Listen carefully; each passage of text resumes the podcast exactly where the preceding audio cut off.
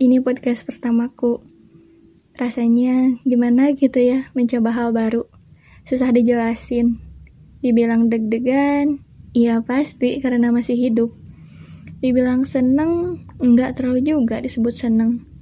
Ya gitu, tidak semua perasaan bisa dijelaskan dan dipahami. Oh iya, belum kenalan. Kamu bisa mengenalku dengan nama Rizka. Ada huruf Z sama C-nya. Kalau susah nyebutin, boleh deh panggil Rizka. Eh, Rica, biar tambah akrab. Saya sedang menantang diri untuk mengenal diri sendiri dan menghadapi rasa takut. Iya, saya selalu takut untuk memulai sesuatu. Alasannya macam-macam.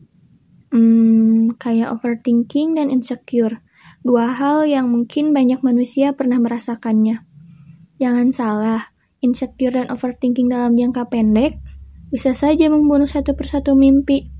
Kamu ngerasa gitu juga nggak? Merica, pahit, pedas, rempah, bumbu, nyengat. Apaan sih? Sini deh, saya bisikin. Walaupun kecil, tapi merica bisa membuat kamu jalatan kalau dicemilin. Meski gitu, manfaatnya bikin cita rasa yang kuat buat suatu masakan. Selain sebagai penyedap, merica digunakan juga sebagai obat penyakit.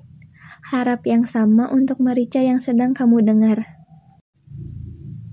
Maaf ya, kebanyakan basa-basi nggak jelas. Saya belum pantas disebut dewasa.